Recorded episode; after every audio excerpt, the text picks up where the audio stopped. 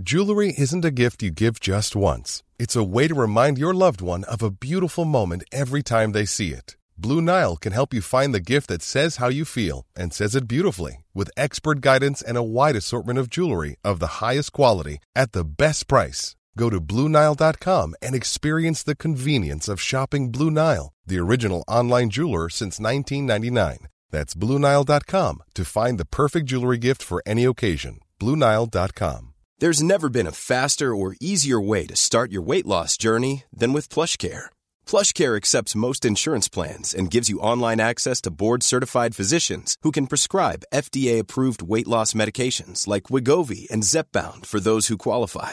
Take charge of your health and speak with a board-certified physician about a weight loss plan that's right for you. Get started today at plushcare.com slash weight loss. That's plushcare.com slash weight loss. plushcare.com slash weight loss. Hey, it's Paige DeSorbo from Giggly Squad. High quality fashion without the price tag. Say hello to Quince.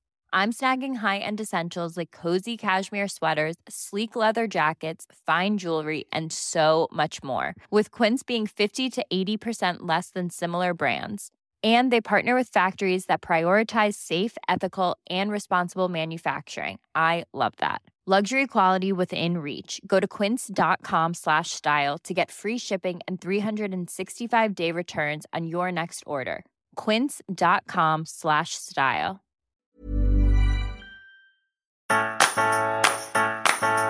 Du lyssnar på Ridsportpodden. En ny podcast från tidningen Ridsport. I den här podden träffar vi ryttarna som du vill lära känna på djupet. Värd för programmet är hästsportjournalisten Andrea Berlin. Hej och välkomna till detta första poddavsnitt. Just nu är jag på plats på en jättevacker hästgård i Skåne som jag faktiskt tror att alla ni lyssnare känner till, nämligen Kronekulla. Här bor ingen mindre än dressyrryttarinnan Charlotte Heid Bondegard tillsammans med sin man Rasmus, deras tre barn och massvis med fina tävlingshästar. Välkommen hit till podden Charlotte och eh, stort tack för att vi får komma hit. Tack själv, det ska bli jättekul att bryta drag, dagens träning med lite podcast den här regniga oktoberdagen. Ja, nu har det ju gått eh, ett år sedan tv-kamerorna till tv-programmet Ryttarliten stängdes av. Och eh, där fick vi ju verkligen se vilken stor press det är för att hålla sig på topp. Och eh, det är just det här ämnet som jag tänkte att vi skulle prata om idag. Nämligen att prestera under press, både under tävling och träning. Så eh, jag tänkte fråga dig Charlotte, hur eh, uppmärksamheten egentligen har påverkat dig? Det har inte påverkat mig sådär jättemycket, men det har påverkat mig genom att man har blivit mer uppmärksammad i press och i TV. Och eh, jag tror att man förstår inte själv att det är så många som känner igen en. För man är ju faktiskt vanlig. Man är ju faktiskt precis som man var för ett eller två eller tre år sedan eller tio år sedan. Ehm, och det är många som vet vem jag är, men jag känner ju inte alla. Och det kan ju vara lite nyfiket ibland när man går och handlar på ICA eller något sånt där och folk vill komma fram och prata med en. Och, och jag tycker att det, det känns väldigt eh, roligt och behagligt och jag tycker om om man kan vara en, en positiv och bra förebild för många.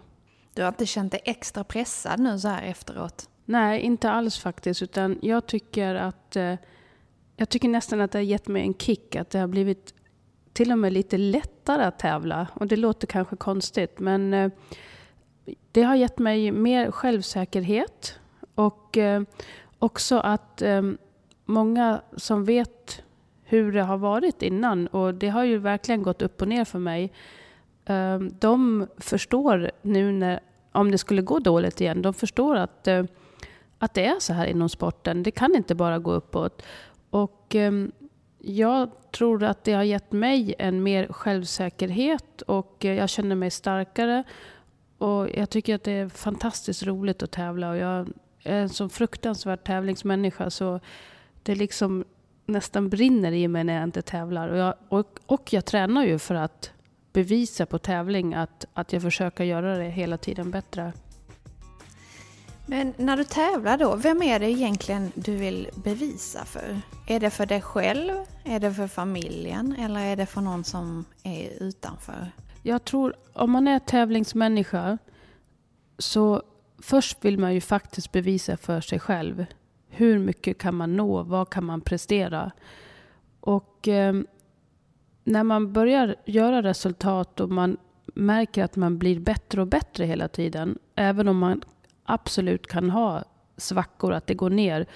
Och det, det är bra att det gör det, för att då, då får man den här styrkan att eh, det var ju någonting som jag gjorde fel och då blir man ännu mer motiverad att det ska, att det ska bli bättre. Och när man är, om man är, vi säger att eh, man är uppe på ett visst resultat och det går bra, så är det för en själv. Jag rider för mig själv och för att mina hästar ska utvecklas och att mina hästar ska tycka att det är roligt. Och när de tycker det är roligt, då presterar vi bra. Och sen gör jag ju det också faktiskt egentligen. Man är ju lite ego. För annars skulle man inte hålla på med det här. Och, och jag tror att om man är lite ego så gör man ju det också för familjen. Men är också egentligen för att styrka sitt självförtroende och en del för omgivningen om man säger. Och jag, jag tänker i det här fallet på omgivningen så tänker jag ju på alla de här underbara fansen som jag har här utanför och som har gett mig mycket eh, kraft och mod eh, genom ryttareliten då. Alla, om man säger Facebook-vänner och Instagram-vänner och som hejar fram en. Och det, det har gett mig en sån himla kick att jag har blivit bättre på grund av mina fans. Men hur gör du egentligen för att stänga av eh, yttervärlden, vad andra tycker och tänker? För det är många som, som är fans som tycker jättemycket om dig. Men sen finns det ju många som har åsikter hit och dit som man egentligen vill koppla bort. Um, vad gör du där för att få den bästa relationen med hästen och kunna rida på topp?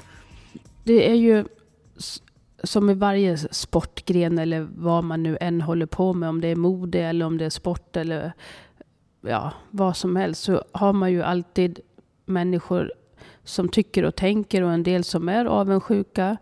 Och vi, jag tror inte att man... Jag är ju inte buddhist, egentligen skulle jag ju vilja vara buddhist, men jag tror att det finns ju kanske människor som man inte kanske tycker lika mycket om som, som andra människor. Och jag tror att man, man får vara så egotrippad, om jag får säga så, att man får ta de här positiva sakerna som, som du hör om dig själv. Och det kan ju vara från familjen, från dina fans eller från vänner.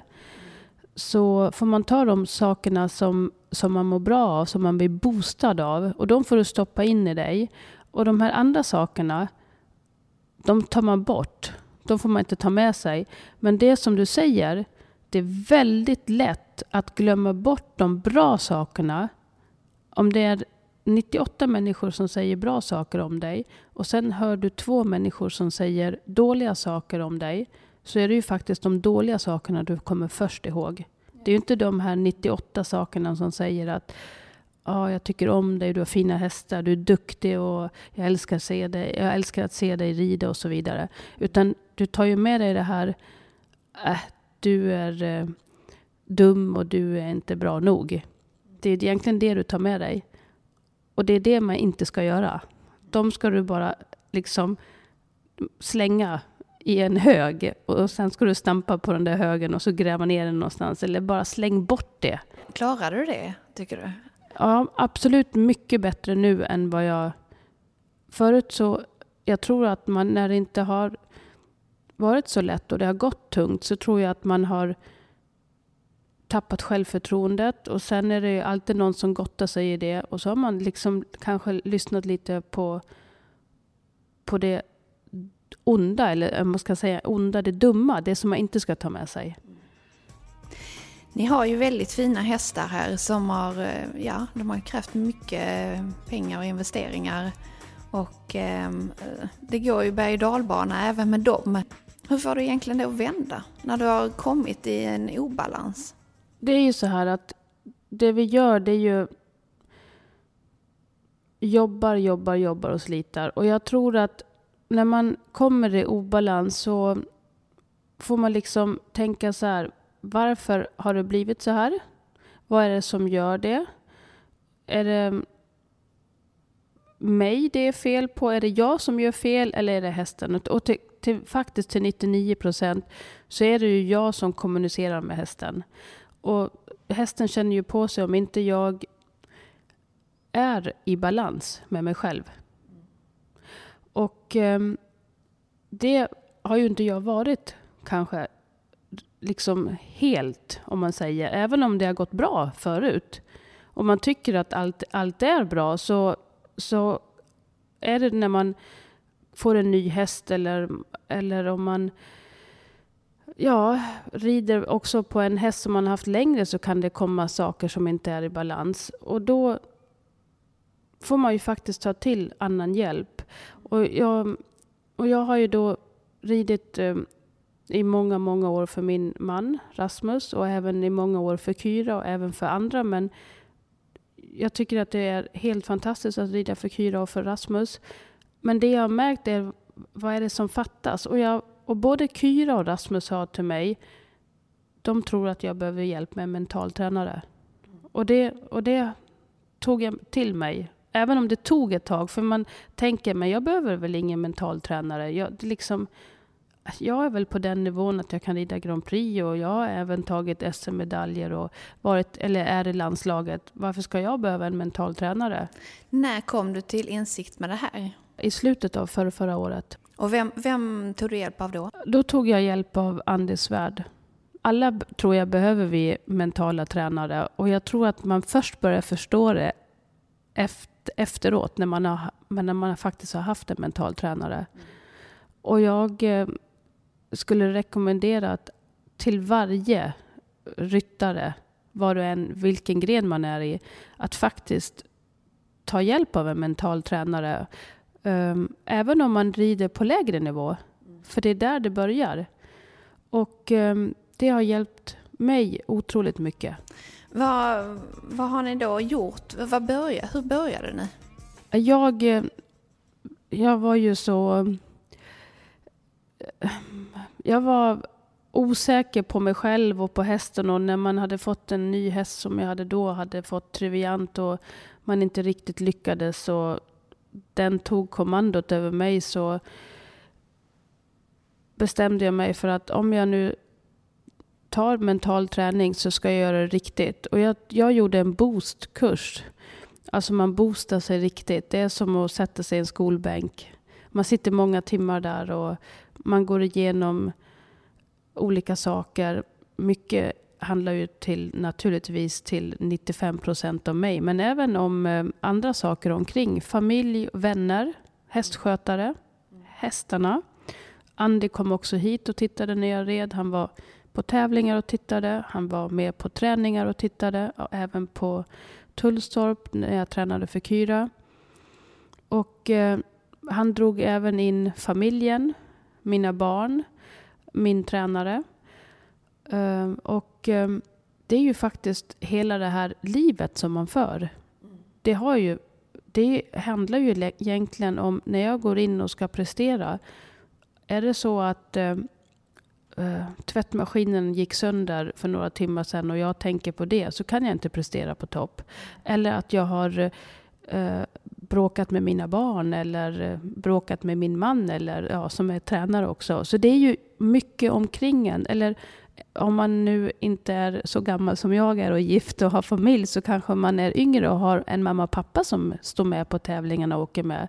Då är det ju viktigt att de är med på de här mentala, inte på alla, men på en, en del. Att rida är ju inte bara att sätta sig på hästen utan det är ju ett sånt det är så många timmar man investerar i det här. Att hålla på med en häst, det tar så mycket tid. Ja, du har ju du har en gigantisk gård här, tre barn och massor med hästar och hundar och allting. Hur, hur kan du koppla bort det för att koncentrera dig på ridningen? Uh, jag kan nog kanske inte sådär riktigt koppla bort det helt, för man är ju ändå, tar man ju med sig en del saker även när man ska gå och lägga sig om hästarnas välbefinnande eller tänker genom träningar och tävlingar och planering. Eh, men eh, man kan ju faktiskt koppla bort det lite emellanåt genom att göra andra saker helt enkelt. Och för mig, jag tycker om att pula i trädgården och då kan jag slappna av och laga mat. Jag lagar väldigt mycket mat men liksom bara göra någonting. Jag har börjat baka knäckebröd och då slappnar jag av. Och, ja, det finns många olika saker. Jag tror att det är viktigt att man, för att liksom kunna koppla av, det är viktigt för ens, ens där när man är så i, har så mycket att göra och hela tiden verkligen måste också prestera, så måste man också kunna komma ner i varv. Och det här är ju man är ju alltså en, en hästbonde om man säger. Det är ju sju dagar i veckan. Och stor gård, många hästar. Man har sponsorer som man ska liksom um, ge saker tillbaka till. Och det är viktigt att kunna koppla av och då gör vi en del andra saker. Det som bara kanske att uh, spela ett spel med barnen eller att jag kan hålla på i trädgården eller baka som jag säger. Är det Andy som har fått dig att tänka i de här banorna och koppla, koppla bort ridningen eller är det någonting som du själv har kommit underfull med? Nej, men det är väl nog Andy som också har sagt att jag är ju en otrolig kontrollmänniska. Mm. Och det är ju inte, man tänker att men det är bra, men det, det kan vara till en nackdel. Och jag tror att man måste lära sig att i alla fall kunna koppla av ibland för att kunna prestera igen. Mm. För är man så uppe i det hela som man är ju faktiskt som speciellt om man håller på med en sport med hästar så är det ju så att vi ryttare vi tänker ju mer, vi bryr oss mer om våra hästar än vad vi bryr oss om oss själva. Och man måste lära sig att, att ta hand om sig själv. Mm. Det här rätta tänket, det mentala tänket som eh, ni tränar på tillsammans. Hur ofta kommer det upp i ditt huvud? Är det varje gång du sitter till häst eller är det när använder du de här grejerna? Ja, på Triviant är det faktiskt väldigt ofta. Jag kanske inte säger varje gång jag rider på honom, men jag har ju varit lite osäker på Triviant och det har ju han utnyttjat och tyckt att det var väldigt bra. Och han har tagit över och det kan ha varit mitt i en Grand Prix-klass så har han tagit över emellanåt.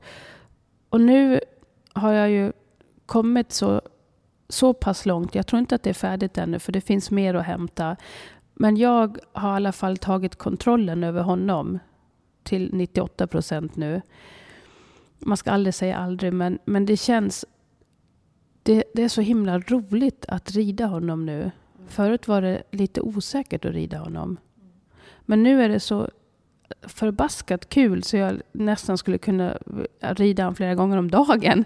Men, eh, och det här känner ju han och det här har ju på något vis har man ju kommit varandra mycket närmare. Så jag, med Triviant så tänker jag mycket på den här mentala saken. Och det har ju gjort mig att jag har klarat det här. Att jag har liksom gått, vänt det här, att in, vänt min osäkerhet till en säkerhet som har gett så mycket glädje. Och det har ju gett mig en säkerhet på andra hästar. Så jag tror, jag, en, jag tror att jag tänker mindre på, en, på de andra hästarna, på den mentala träningen, än vad jag gör när jag sätter mig på Triviant. För där tänker jag på det väldigt ofta. Är det några av de här knepen som du vill berätta om som, ehm, som har varit eh, avgörande? Alltså med Treviant började det med att jag eh, andades egentligen lite fel. Att eh, jag spände mig och det här med värmen i, i händer och sådär. Det låter lite speciellt. Jag, jag, Andy lärde mig att han, om jag fokuserade på en sak uh, och så höll jag en, en termometer, så till exempel en sån där stektermometer som man kan stoppa i ugnen om man säger. Så har man den i handen och sen uh, kommer det en viss musik i bakgrunden och så håller jag den här i handen och så händer det vissa saker. Han säger saker till mig. Så kanske den här uh, stektermometern nu, eller den här termometern säger vi visar på uh, 27 grader. Då säger Andy till mig, jag vill att du ska komma upp i 35 grader. Men hur ska jag kunna göra det? Och då kan han ställa om det. Att jag går in i mitt moment och blir taggad och tänker att jag kommer klara det här och att jag är bra och att eh, man klarar av det. Och den här termometern gick upp 10 grader. Jag tror att jag var i 37 grader eller sånt där i, i, i handen. Och under vissa, alltså under en halv minut eller vad, hur, hur man nu än gör det. Och det bevisar ju att du kan, så mycket kan du påverka. Och det är inget som du kände egentligen själv? Nej, jag visste inte om det här egentligen innan. Så det är så få saker, som, alltså det är sådana små grejer, små knep som kan göra så mycket. Mom deserves the best and there's no better place to shop for Mother's Day than Whole Foods Market. They're your destination for unbeatable savings, from premium gifts to show-stopping flowers and irresistible desserts. Start by saving 33% with Prime on all body care and candles. Then get a 15-stem bunch of tulips for just $9.99 each with Prime. Round out Mom's menu with festive rosé, irresistible berry chantilly cake, and more special treats. Come celebrate Mother's Day at Whole Foods Market. Jewelry isn't a gift you give just once. It's a way to remind your loved one of a beautiful moment every time they see it. Blue Nile can help you find the gift that says how you feel and says it beautifully with expert guidance and a wide assortment of jewelry of the highest quality at the best price. Go to BlueNile.com and experience the convenience of shopping Blue Nile, the original online jeweler since 1999. That's BlueNile.com to find the perfect jewelry gift for any occasion. BlueNile.com. Many of us have those stubborn pounds that seem impossible to lose, no matter how good we eat or how hard we work out. My solution is PlushCare. PlushCare is a leading telehealth provider with doctors who are there for you day and night to partner with you in your weight loss journey. They can prescribe FDA-approved weight loss medications like Wagovi and Zepbound for those who qualify. Plus, they accept most insurance plans. To get started, visit plushcare.com slash weight loss. That's plushcare.com slash weight loss. Hiring for your small business? If you're not looking for professionals on LinkedIn, you're looking in the wrong place. That's like looking for your car keys in a fish tank.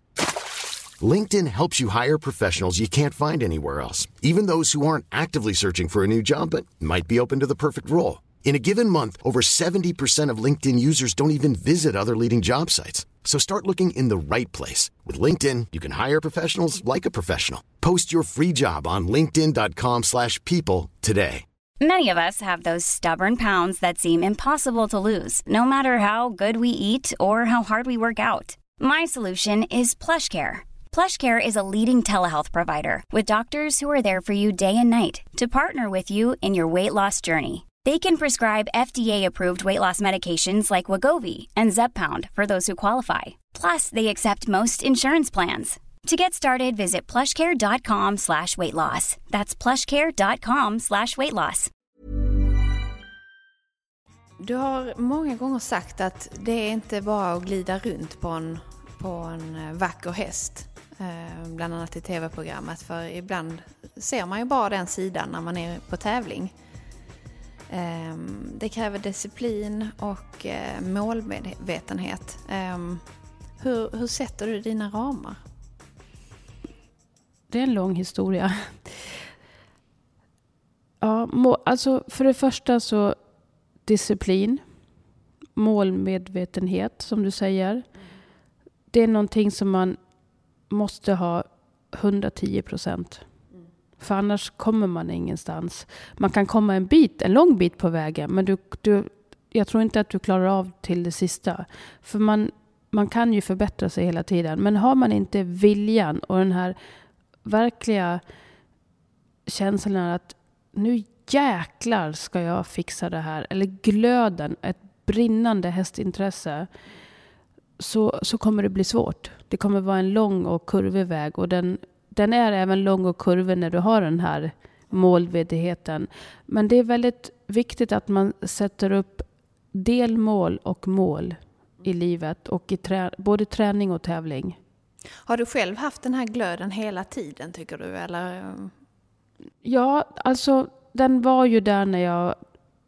Det har ju inte gått så på räls för mig utan jag eh, har ju liksom inte haft en egen häst när jag var liten och jag har inte haft föräldrar som var hästintresserade.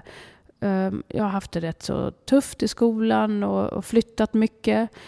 Men en sak som någon aldrig kan ta ifrån mig. Jag var djurtokig och totalt hästtokig.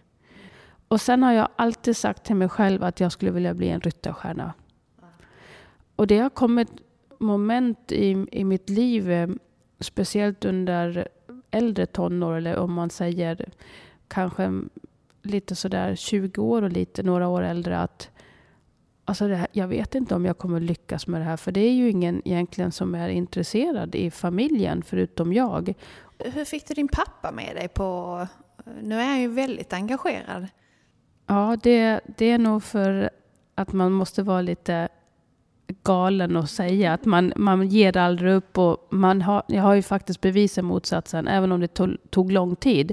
Men jag fick ju faktiskt min pappa först med mig när jag ja, med 35 år och sånt där. Så jag har inte haft min pappa eller varken någon av mina föräldrar med mig och fått klara mycket, mycket själv. Jobbat på olika jobb på, på natt och på dag för att eh, liksom kunna ha häst och bra tränare.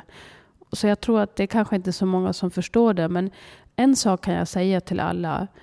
Om man vill bli duktig inom ridningen så kan, kan faktiskt vem som helst bli det.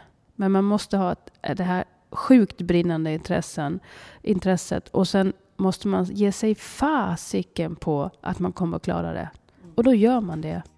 Det kommer ju dagar som är jobbigare än andra. Um, vad, vad driver dig då för att, för att kämpa vidare? Har du någon knep? Det var faktiskt en dag idag kan jag säga. Var det det? Ja, det var det. Som jag tänkte, jag stänger butiken.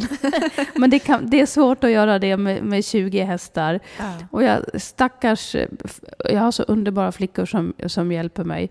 Och stackars dem, för jag tror inte att jag var... jag visade nog en annan sida av ryttareliten idag. Nej, jag har alltid visat den så som jag är. Men idag var det en riktig SKIT-dag. Mm. Det började med att tvättmaskin gick sönder och sen eh, kändes inte Triviant riktigt, tyckte jag, som han skulle. Och sen kändes inte den andra hästen som han skulle. Och, ja. och idag, igår hade Rasmus en skitdag. Okay. Ja, så, att, så vi har alla våra SKIT-dagar. Har du fått den att vända redan nu? Eller? Ja. Det har du? Ja. Mm. Det har det. Efter jag hade ätit. Så Jaha, vände det. ja. Var det bara det som krävdes då eller? Ja, nej inte men nej, absolut inte. Men sen är det ju nu, nu har jag ju, vi pratar om de här delmålen då och nu, nu tänker jag så här att jag tror att det blir lite så här därför att jag börjar bli lite nervös för jag ska till Oslo och tävla nästa vecka. Och så tänker jag så här, är det här bra nog? För man har ju sån man sätter så höga krav på sig själv. Och sen när man märker att inte kanske det här riktigt funkar, nej då så funkar inte riktigt det där och sen går det andra sönder och med det tredje. Och då tror jag att det har liksom med att göra att, att jag börjar bli kanske lite nu för taggad inför tävlingarna nästa vecka. Och så börjar man fokusera ännu, ännu mer på de här små, små pusselbitarna och då tänker man så här, är jag bra nog? Oh, jag måste visa resultat, eller jag vill. Och egentligen måste man ju det också. För annars kommer man inte behålla den här platsen i ett landslag. Men beror det på vilken häst du sitter på, den här pressen och, och nervositeten? Ja, det, det, det, kan, det, måste man ju säga att det ändå gör. Därför att jag har ju då eh, Triviant då som är, om man säger, min första häst. Och jag känner att, att, att det finns så mycket kvar att ge. Att det är först nu som det börjar lossna. Och jag, och jag, jag skulle så gärna vilja visa alla det. När du säger alla, vem är det då? Är det publiken som sitter och tittar på dig eller är det... Ja, publiken, alltså jag, man är ju en cirkusmänniska. Man, man, man gör ju det här, man, man, på något vis måste man ju tycka om att människor tittar på en. För man går ju in i en arena och så, och så dansar hästen med mig. Och, och det är säkert, man dansar säkert bättre om det sitter 500 än om det sitter fem stycken på läktaren. Och då tänker man, ska man göra det? Man ska ju dansa lika bra när det är fem. Men jag tror att du dansar bättre därför att du, ta, du blir lite vassare mot dig själv. Du spänner bågen lite till för att det är lite adrenalin. Du får mer adrenalin när det sitter mer. Så det är ju en, en egentligen en, en cirkusgrej. Att komma in där och, och, dansa för den här publiken. Och ju mer publik och ju mer applåder man kan få efteråt, desto roligare blir det ju. Så jag tror att det, är att, att det triggar igång en. Jag vet inte om det gör det med alla, men, men jag känner så. Jag, jag tycker det är fantastiskt kul att, att visa upp fina ritter. Och lite spännande. Och jag tror det är det där lite spännande kommer jag klara det här nu riktigt bra? Och jag, jag, det känns ju som att jag rider över 70. Kommer det stå så på, på tavlan efter jag rider ut? Är du nervös när du går in eller under ritten någon gång? Jag har nog varit det förut. Men, men jag, jag är positivt nervös. Det finns ju positiv nervositet och negativ nervositet. Om du har en negativ nervositet, då presterar du egentligen under din prestation. Därför att du är lite rädd. Du är alltså så nervös att du har inte kontroll på dig själv. Du kan inte andas, du är kall om händerna och så vidare. Men är du den här positiva nervositeten som egentligen gör att du får lite mer adrenalin och du spänner bågen. Den tror jag är bra. Och är du inte alls nervös, är du iskall. Som en del, jag har tänkt på att en del ryttare säger, eller till exempel att pressen skriver hon eller han var iskall, red in där. Nej, om man är iskall är inte heller bra. För du måste ha den här känslan, den här lilla nervositeten som triggar igång din, din eh, eh, adrenalinkick. Som gör att du reagerar faktiskt bättre. Du berättade för mig innan hur, vad ni har för olika personligheter. Eh, du har gått från att vara slarvig till att bli pedantisk. Hur har det gått till? Ja, det, det undrar jag också. Jag tror att det har med att göra eh, med där jag är idag. idag. Ehm, nu är ju den här människan som eh, vill ha kontroll på mycket. Och jag ska ju ha kontroll på de hästarna jag rider också. Och har man inte den här kontrollen och är man nu ska jag inte säga att alla som är slarviga kommer inte bli bra ryttare, för det stämmer inte. Men jag tror att man ändrar sig ju högre upp man kommer inom sporten och ju mer disciplinerad man blir själv. Och eh, det har ju också lite med, med utveckling av en, en själv att göra. Mina barn är slarviga. De slänger saker överallt. Den som är mest ordentlig är nog den yngsta. Uh, och hon kommer då mer genom sin pappa. Och sen pojken, han är inte hästintresserad längre, men han slänger sina saker lite överallt och så vidare. Han, honom får man säga till, då städar han. Och den mellersta, hon har börjat tävla. Och också tävlat SM på ponny. Och jag märker att hon börjar också bli ordentligare nu. Hon är 16 år. Och hon var betydligt mer slarvig för några år sedan.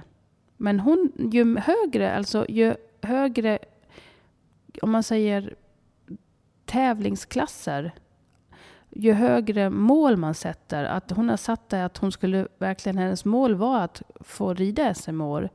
Och det har hon lyckats med. Konstigt nog, ju ordentligare blir hennes kläder och bäddar sin säng varje dag och så vidare. Och det där har ju med mig att göra också. Men hon, var ju, hon är ju så mycket fortare ute i sporten än vad jag var. Jag tävlade ju inte på de eh, nivåerna när jag var 16 år. Jag hade inte ens en egen häst. Så jag var ju fortfarande slarvig. Och nu idag när, när man är i ett landslag och rider Grand Prix och, och man sätter mål att man ska för, ja, försöka komma med till stora mästerskap. Och när man har så här många hästar och, och en stor gård så måste man, tror jag, bli ordentlig. Och nu har det liksom gått över, att det har slagit över. Och det rekommenderar jag inte heller, men jag, jag rekommenderar att i alla fall att försöka vara lite ordentlig. Vad menar du att det har slagit över? Ja, men det har, jag har blivit mer, alltså nästan så att det är jobbigt att eh, kontrollmänniska, kontrollbehov och allting. Och vika ihop saker och städa och städa och städa. Att jag, jag önskar att jag kunde släppa på det där lite och andra har sagt att jag måste faktiskt göra det.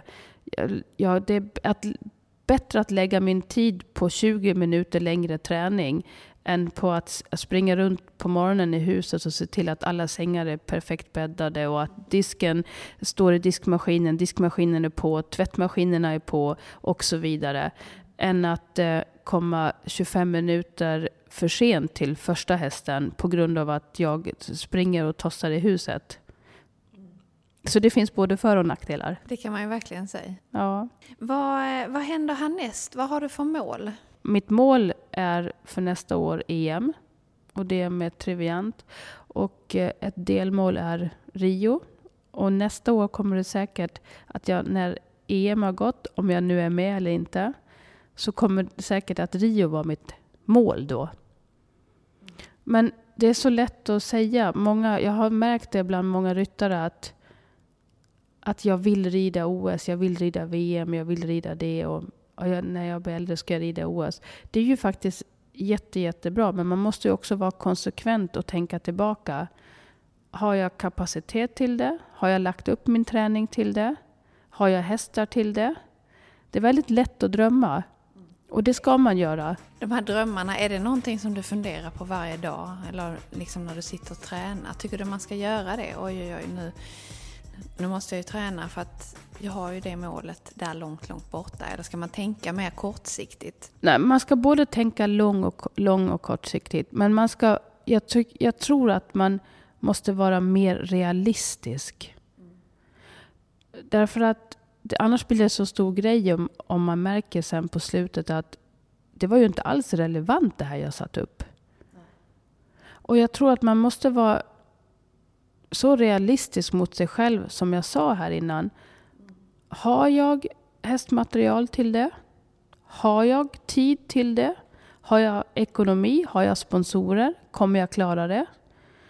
Och nu kan vi, nu, det kan ju vara på olika nivåer om jag säger. Men jag pratar nu om, om mina mål och delmål. Och det att, att jag måste vara realistisk med, med det jag säger eller det jag gör. Har du några riktigt bra tips till de som lyssnar?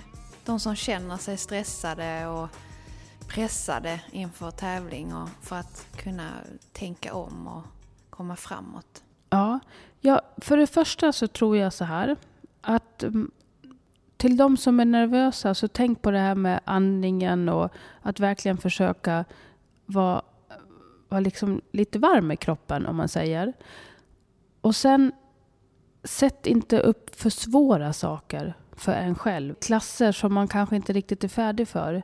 Utan hellre gå ner en klass och när det går bra där några gånger, då har man faktiskt ett bättre självförtroende och då är det lättare den här nästa gång. Och man har mer erfarenhet. Det är ju faktiskt, handlar ju mycket om erfarenhet och timmar i sadeln. Och jag tror att det är många som kanske, bara för att det... Man, man drömmer, har man inte ridit Grand Prix så drömmer ju alla om att rida Grand Prix. Och jag kan säga att det är faktiskt lika roligt att, att rida en ung häst i ett bridersprogram eller eh, en, ett lätt A-program med en, en yngre häst eller så vidare. Jag tror man ska inte göra det för svårt för sig. För, då, för då, då blir det lätt att man misslyckas. Och gör man det hela tiden så här svårt och man tänker att ah, ja, mitt mål är nu eller min dröm är att få rida medels 2A där det kommer byten i vart eh, tredje, fem stycken och, och halva piruetter men jag klarar inte av piruetterna och bytena egentligen hemma, då gör man inte det på tävling. Och då är det bättre att träna och, och gå på lägre klasser, medelsvår B eller vad, vad, man ska säga, eller lätt A. Och, och bygga upp självförtroendet, både för hästen, för hästen känner också när man går in och sätter för svåra saker att den misslyckas. Så det blir inte bättre av det. Och det tror jag är viktigt. Sen, sen vet jag att alla kan, om man drömmer om att bli ryttarstjärna, så jag, jag, kan bara rekommendera att alla kan faktiskt bli det. Och jag, det låter så himla optimistiskt när jag säger det. Men ja, det kanske är svårt att säga att, att Hilda och, och, Gunnar som är 65 år drömmer att bli ryttarstjärnor och inte har en häst. Det, det, är ju, alltså, det är inte så jag menar. Men, men för er unga killar och tjejer som verkligen satsar på det här med sporten. Jag bara kan ge er ett tips att försök att rida så mycket som möjligt och många olika hästar och försök att komma till någon där man kan få rida mycket och många olika hästar. Åk utomlands till sådana här jättestora uppfödare som har flera hundra hästar hemma. Rid, rid, rid, rid. För det är som jag sa innan att det är som en, en bra pilot. Han räknar sina timmar i hur många flygtimmar han har. Och en bra ryttare har många timmar med rumpan i sadeln. Charlotte, det har varit jättetrevligt att få höra dina tankar och 30 minuter går jättefort när man pratar podcast. Så jag vill tacka så jättemycket för att vi fick ta del av eh, allt som har hänt efter ryttareliten här. Tack själv. Jag trodde att vi hade bara pratat i tre minuter nu. och sen ska, glömde jag faktiskt säga en sak till alla. Och det är när ni ska rida in på banan. Gå in och ha kul. Bara njut av att gå in. Skit i om sakerna omkring. Gå in och njut och visa upp din fina häst. Det är det det handlar om. Vi vill jättegärna veta vem du vill att vi ska träffa nästa gång och vad vi ska prata om. Maila till oss på podden snabela tidningenridsport.se Programmet producerades av Lavaletto.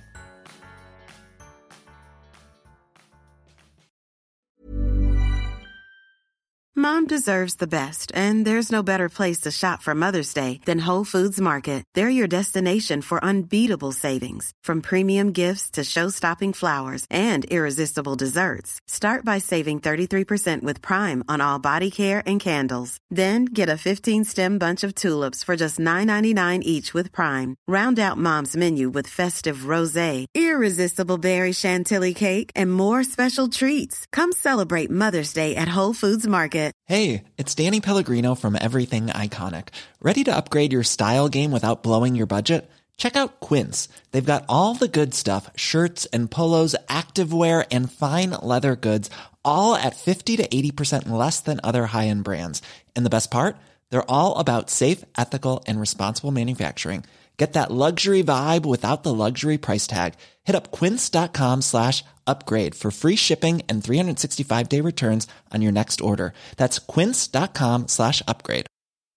Imagine the softest sheets you've ever felt. Now imagine them getting even softer over time. That's what you'll feel with Bowl and Branch's organic cotton sheets. In a recent customer survey, 96% replied that Bowl and Branch sheets get softer with every wash. Start getting your best night's sleep in these sheets that get softer and softer for years to come. Try their sheets with a 30-night guarantee. Plus, get 15% off your first order at bowlandbranch.com. Code BUTTERY. Exclusions apply. See site for details.